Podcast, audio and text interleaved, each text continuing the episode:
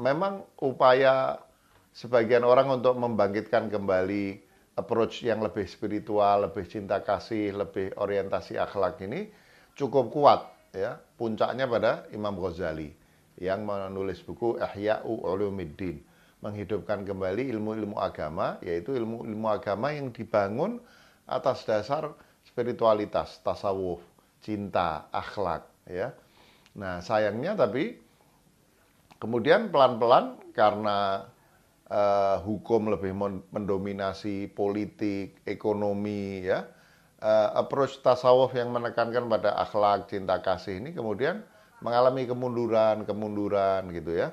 Uh, untungnya kemudian Islam masuk ke Indonesia dalam keadaan dibawa oleh kaum sufi ini. Ya, tokoh-tokohnya disebut wali songo atau wali sana, ya, tidak sembilan tapi lebih, yang masuk ke Indonesia dengan menekankan pada akhlak, ramah budaya ya.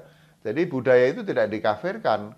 Budaya itu kecuali yang diharamkan dianggap sebagai peninggalan nabi-nabi sebelum Nabi Muhammad. Jadi di apa diterima di apa asimilasi ya.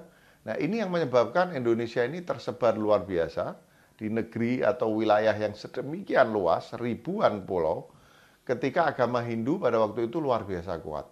Jadi Islam yang masuk ke Indonesia ini untungnya sebetulnya Islam yang berorientasi cinta kasih atau tasawuf ini.